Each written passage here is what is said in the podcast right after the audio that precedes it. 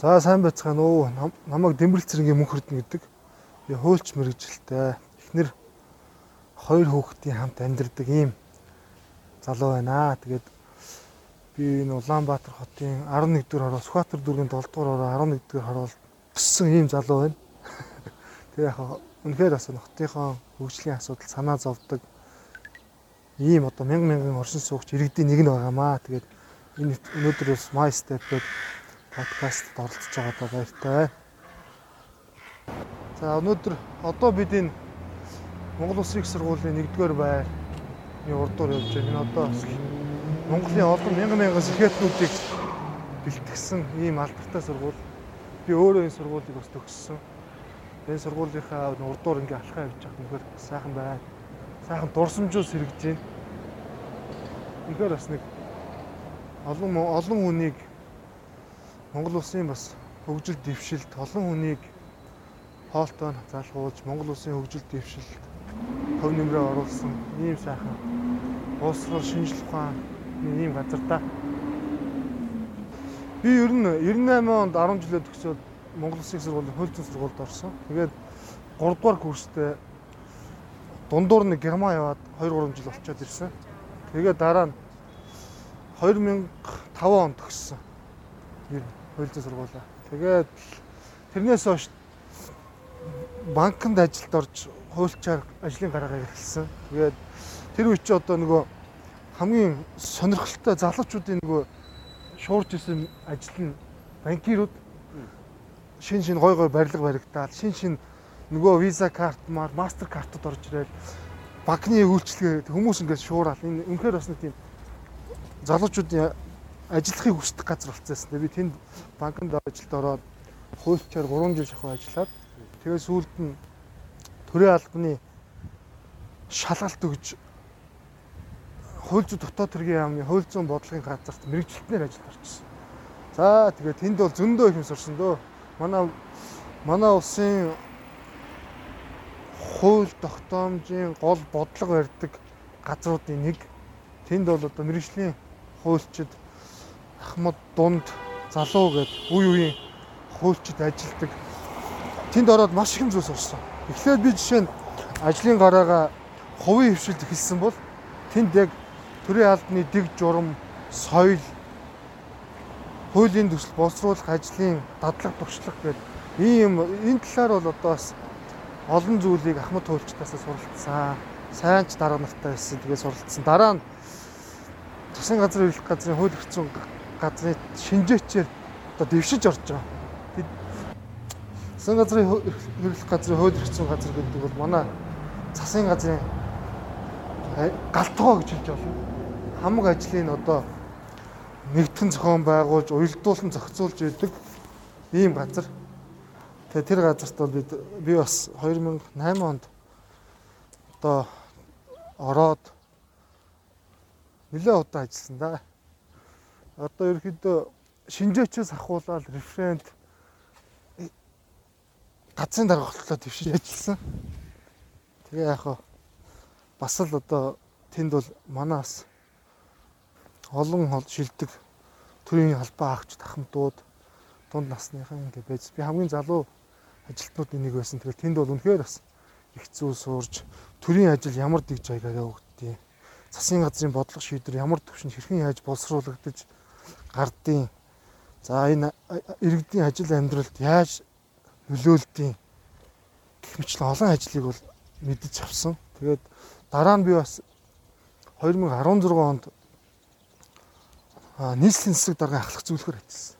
За энэ үедээ бол би бас энэ хот гэдэг их айл 1.4 сая одоо монголчуудын хотын оршин суугч иргэдийн их ашигтай шууд хамааралтай шийдвэр гаргаж идэг энэ байгууллагууд иж ажиллаад бас хэцүү суралцсан.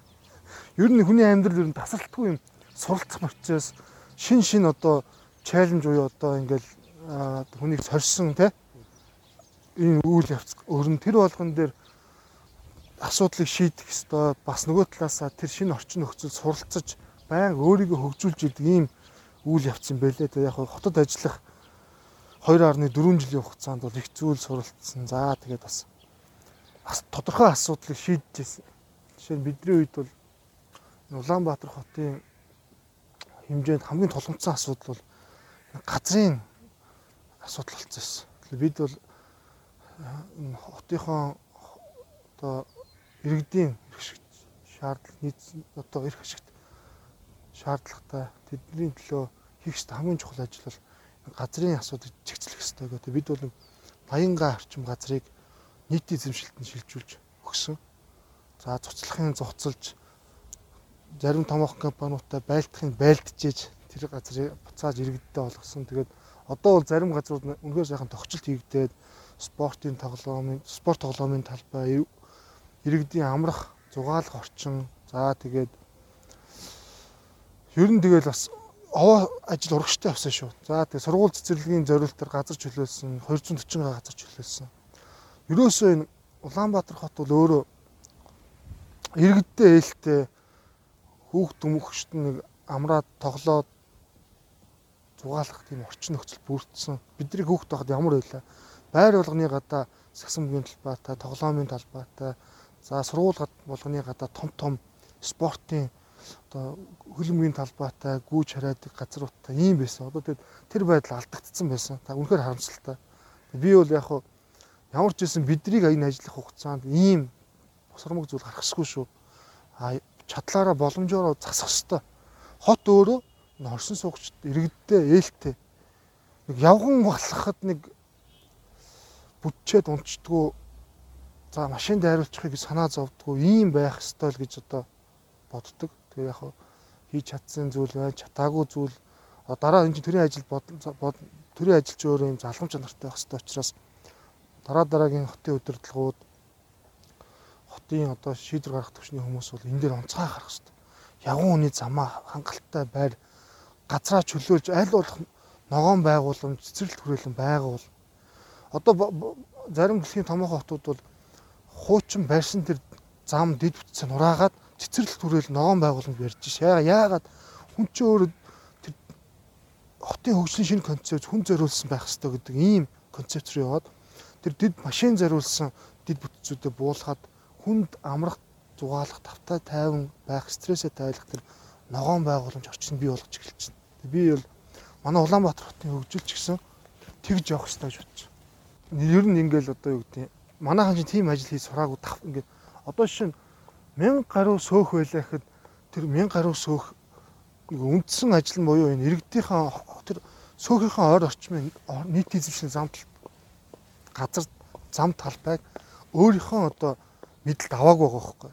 Юус нэг бол хинэггүй тэр нэг байшингийн оршин суугчдаас сөөхийн хураамжиж авах сонирн болохоос биш тэр ойр орчмын газрыг эзэнтэй болгож тогтжуулж ингэж нөгөө тийм асуудал орхигдсон. Тэгээ би бидний үед бол яг энийг шийдэх зорилгоор за энэ яг бүгдийг эзэнтэй болгоо. Эзэнтэй бол хүнд өгч чадахгүй.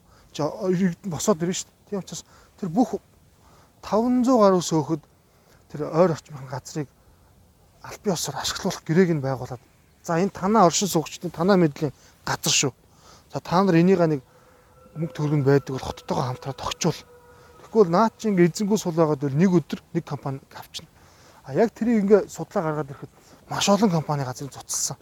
Нөгөөдөл чинь яаж хийж байгаа дүүр нийслэлээр ишг мах дүүрэг дээр ингээл захимжаар авцсан баг. Тэгээд тэднийг маш олон газар цуцалж яг тэр сөөхүүд нь эзэмшүүлсэн, гэрээг нь байгуулсан, гардуулж өгсөн. За эдгээр эзэнтэй боллоо шүү даа. За тэгэл том том газар хашцсан ингээл хүүхдүүд нь тоглох тоглоомын талбайг сүйдвэрч байхгүй те. Ийм байхад л дунд нь 4 5 жил өмхийрсэн устай хашаатгцсан. Тэгэл барьсан ч байхгүй ингээл байж идэг. Бид нар бол ийм газруудыг зөндөө олныг цуцсан. Чатаагүй ч байгаа. Нэг нөгөөлөхөд. Гэхдээ яг энэ ажил ингээд үе шаттай яваа шийдэх ёстой. Энэ хот хот гэдэг бол хүмүүсийн хамтын амьдрал.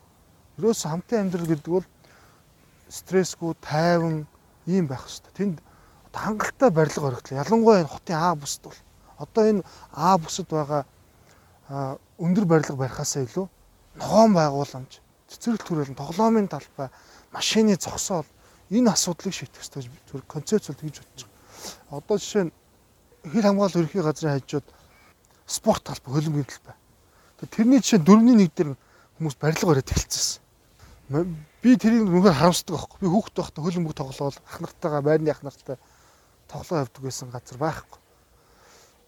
Тэгэхэд бид нар бол тэрийг бол чөлөөлөөд одоо бол үнэхээр гоё спорт, орчин үеийн спортын талбай, хүүхдүүдэд зориулсан тоглоомын талбай, ногоон байгууламж үнэхээр гоё талбай байна. Би тэрийг хараа байх бахархдаг.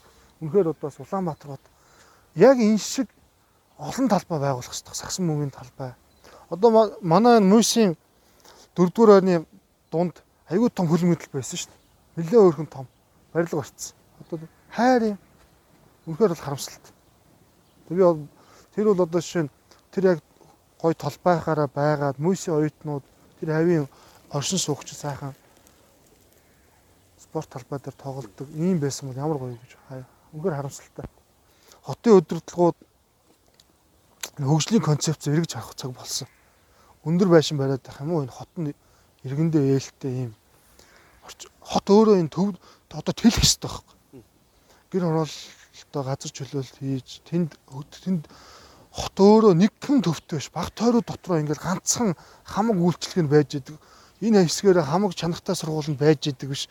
Хот өөрөө энэ олон хөгжлийн төвтэй болж тэнд нь иргэд яг энэ баг тойроод байгаа дотор байгаа шиг энэ байгаа шиг үйлчлэгээ авч чаддаг орчин нөхцөл нь бүрдсэн ийм болох хэвээр. Тэгэд хотын хөгжлийг бол энэ зөвхөн баг тойруугаар эсвэл яарамгаар харж болохгүй, хан уулаар харж болохгүй. Энэ бусад дүүргийнхаа хөгжлийн одоо Сүхбаатар дүүрэг гэж ярихад хойшоо долоон бодол хүртэл бол тэнд бол маш их ажил байна те. Бид нар машин зориулаад гүүр барайл замаа орхитгөл байх юм бол машины та буурахгүй мэл. Тэгэхээр ижил төстэй асуудалтай байсан те төгжрөл хэд төгжрөл хэд автомашины тоо тэрийг дага стресс бухимдал хичнээн их цагаа алдчихээн те төгжрөл донд. Энийг шийдсэн улсуудын жишгээс харах юм бол ерөөсөө энэ машин зориулсан дэд бүтц биш ээ. Хүнд зориулсан дэд бүтц. Хүнийг алхах, дугуй унах энэ орчин нөхцөлийг бүрдүүлэх хэрэгтэй юм бэл. Тэгэх юм бол хүмүүс аяндаа энэ машинаасаа буугаад алхаж эхэлдэг. Алхах нь эрүүл мэндэд сайн, хоёр дугуй унж эхэлдэг. Тэгэхээр бид нар энэ концепцээ өөрчлөх хэрэгтэй юм бэл. Тэгээд дээр нь нийтийн тээврийн хөгжлийн асуудал. Нийтийн тээвэр такси үйлчлэгээ маш сайн байх хэрэгтэй, найдвартай байх хэрэгтэй. Гэтэл Улаанбаатар хотын хувьд хамгийн тулгымцсан асуудал нь такси үйлчлэг болчиход байна. Нэгдүгээр хүртээ хэмжээ нь найдваргүй байна. Цөөн тоотой байна. Хоёрдугаар маш бага цөөхөн байна. Стандартын бус. Тэгэхээр хотын такси үйлчлэгийг үнэхээр нэг зэгцлэх хэрэгтэй. Тэр өөрөө жоо анхаарал хандуулах хэрэгтэй юм бэл. Энийг ингээд хайчиж болохгүй юм бэл. Төрийн үндсэн үүрэгчин бол бас нэг энэ зохицуулт хийх шүү дээ. Тэгэхээр энэ дээр зохицуулт хийж зарим талаар бас тодорхой хөрөнгө оруулж хийж ингэж явахгүй. Энийг дан ганц хувийн хвшлийн нуруунд өөрүүлээд бүтэхгүй байгаа нь одоо ингээд харагдчихлаа шүү дээ. Тэгэхээр энийг бол төр заавал зохицуулт хийж стандарт шаардлага өндөрсгөж хяналтаа сайжруулж шаардлагатай бол зарим тохиолдолд хувийн хвшилтэй хамтраад хөрөнгө оруулж энэ такси үйлчлэгийн стандартыг тэгээд тэр такси бол үндсэндээ нийтийн тээврийн нэг хэсэг шүү дээ. Тэгэхээр энийг одоо бид нар үнэнхээр анхаарахгүй бол за тэгээд энэ манай автобус үйлчлэг автобусны бол бас нэг тоо за тэгээд 2009 оноос хойш би үндсэндээ парк шинжил хийсэн гэж хамгийн сүүл 2009 он 400 автобус орж ирсэн. Тэрнээс хойш нэг жижиг жижиг нэг 10 20-оор л ороод болохоос яг үндсэндээ парк шинжилт хийгдэг байхгүй. За одоо бид нар энэ манай хууль зүйн сургуулийн гад барьсан. Энэ бас түүх турсамжтай газар. Бас л олон Монголын олон сайн шилдэг хөөлчд энд суралцаж олон мундаг шилдэг багш нар энд багшилдаг. Ийм газар тэг бас сайхан дурсамжтай энергитэй газар та. Энэгээр ч одоо ойр дэрэг гоё болчих харин бүр. Гадах энэ ингээд тогтчл богч сайхан болчих. Эй гоё. За би 10 жилдээ нийслэлийн Сүхбаатар дүүргийн 2 дугаар 10 жилийг төгссөн. За сагс тоглох дуртай ийм хүү байсан да. Олон сайхан найз нөхөд тэ болсон. За тэгээс спортоор дамжуулж, хасан мөр дамжуулж шургуу хөдөлмөр тэмцэл тэ энэ амжилтын мөн чанарыг бас ойлгож авсан. Олон сайхан багын нөхдүүд маань байна. Сагсан одоо ч бид нар тоглолдог. Сагсангийн спортыг ч нэг ер нь тэгэл сагс үзэл сууж идэг үеийн шилдэг сагсчдын тоглолт. хамгийн анх одоо жишээ нь 93 онд энэ үү? Одоо 93 оны Phoenix Suns Chicago Bulls-ийн finals-ийн одоо NBA finals тоглож байсан тоглолттой. Тэр одоо ингээл өнөөдрийг хүртэл мартагдахгүй те. Хин тайлбарлаж байсан, юу гэж хэлж байсан.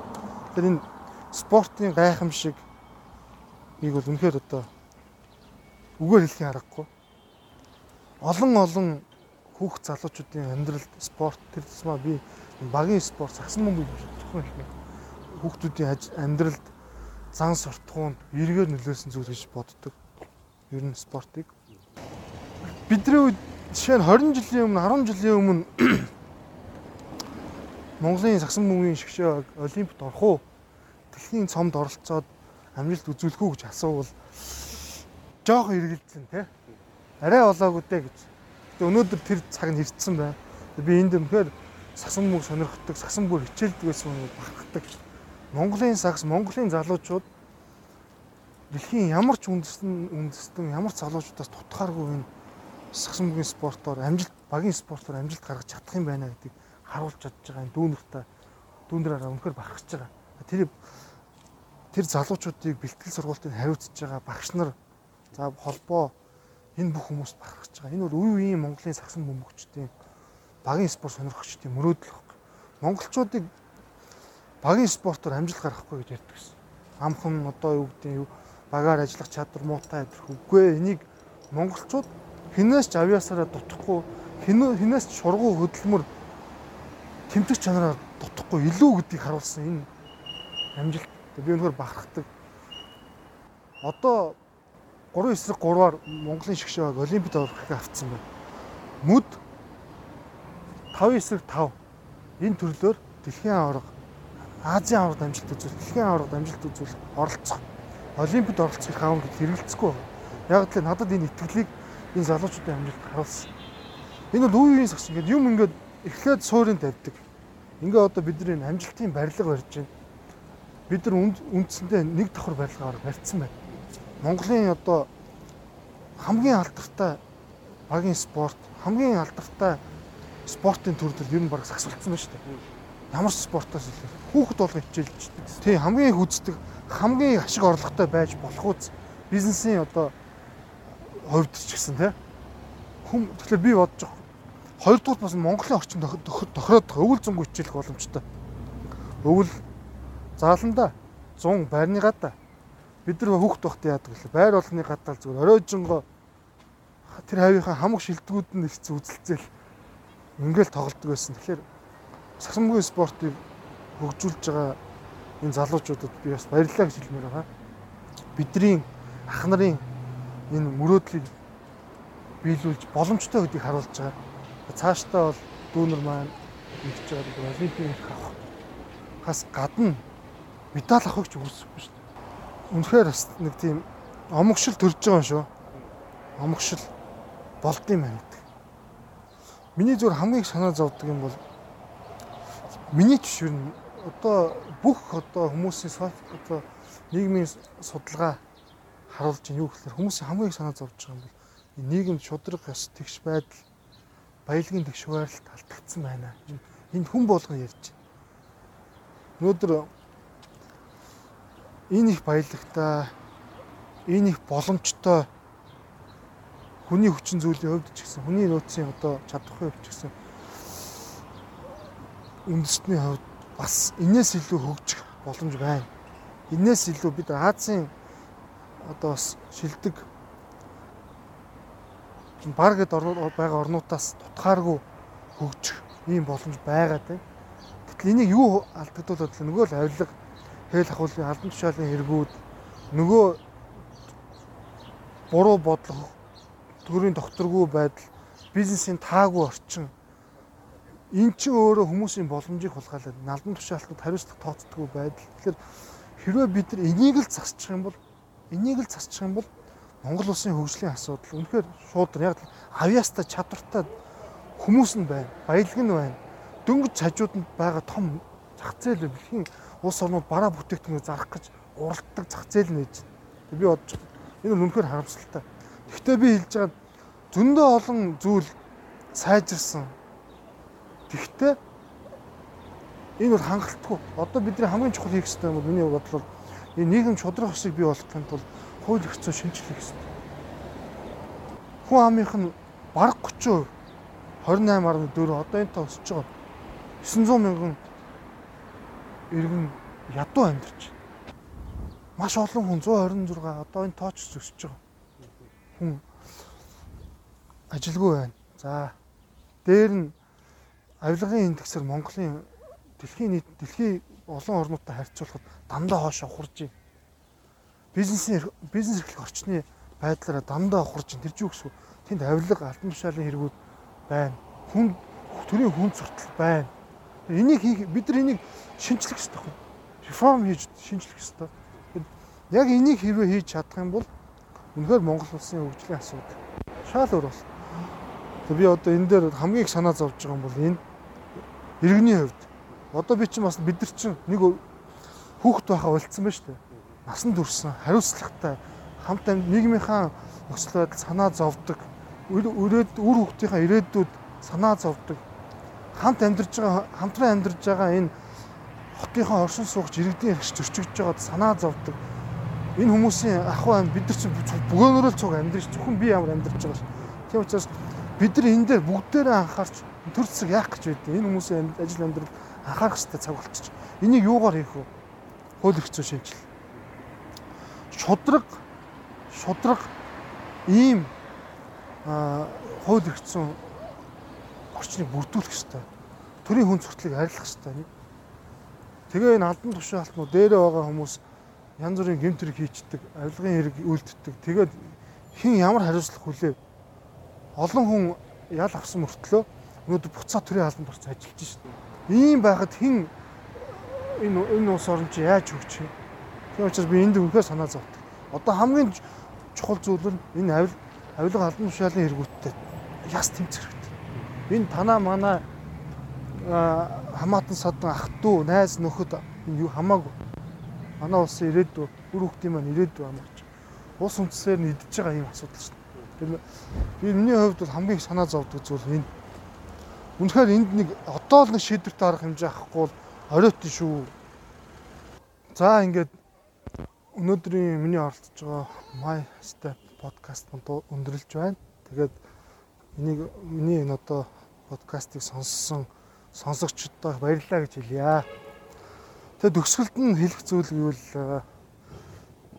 яг хөө зөндөө олон нийгэмд асуудал бухимдал байгаа ч гэсэн би ирээдүйдээ итгэж байна. Яг тэгэхээр энэ олон залуучуудын үзэл бодол аа амжилт бүтээлийг харахаар энэ залуучуудынхаа энэ хийж байгаа бүтээж байгаа зүйлсийг харахаар энэ ирээдүйдээ итгэх итгэл улам нэмэгдэж байгаа.